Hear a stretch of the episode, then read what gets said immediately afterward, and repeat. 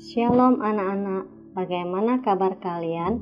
Lause berharap kalian dalam keadaan yang baik.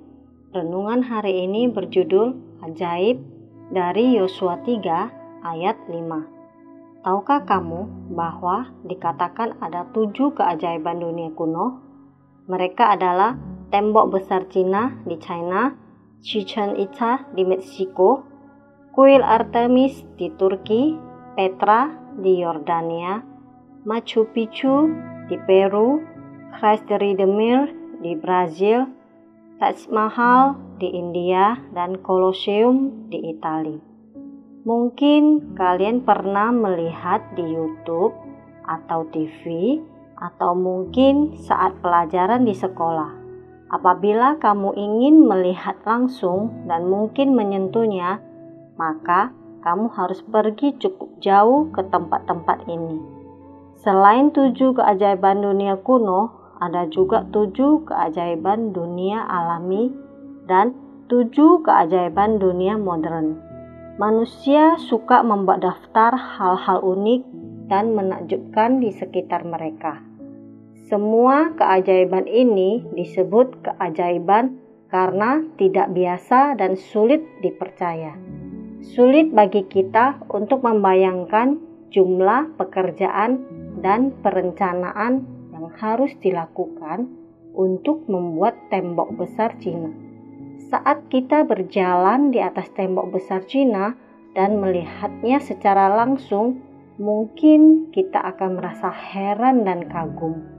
Ketika Tuhan menjelaskan pada Yosua bagaimana ia berencana untuk membawa bangsa Israel menyeberangi Sungai Yordan dan bagaimana ia berencana untuk membantu mereka menaklukkan orang-orang jahat yang tinggal di tanah Kanaan.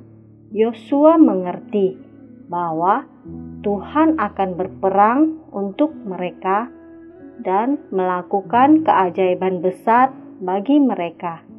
Dia benar Tuhan sedang mempersiapkan untuk melakukan keajaiban-keajaiban besar bagi bangsa Israel. Mereka bukan negara besar dibandingkan dengan negara yang mereka lawan.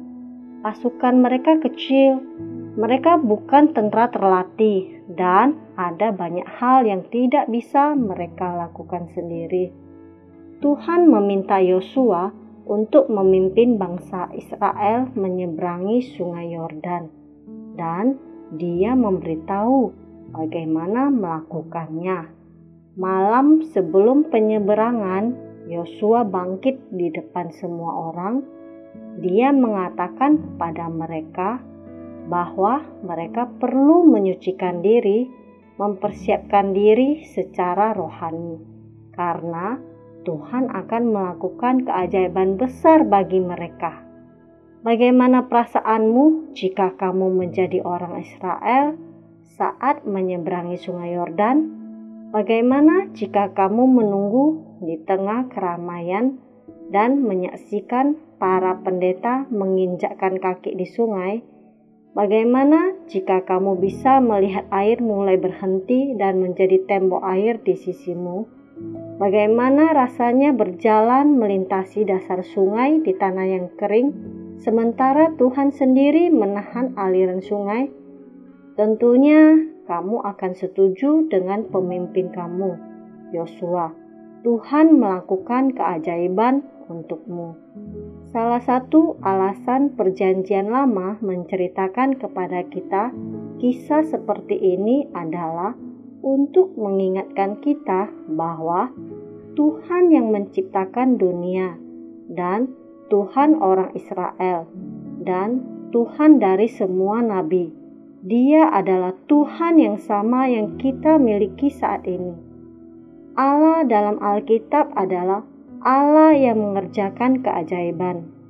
Keajaibannya lebih banyak dan lebih menakjubkan daripada apa pun yang pernah dipikirkan atau diciptakan oleh umat manusia. Betapa kita memiliki pencipta penebus yang baik dan hebat. Amin. Tuhan Yesus memberkati.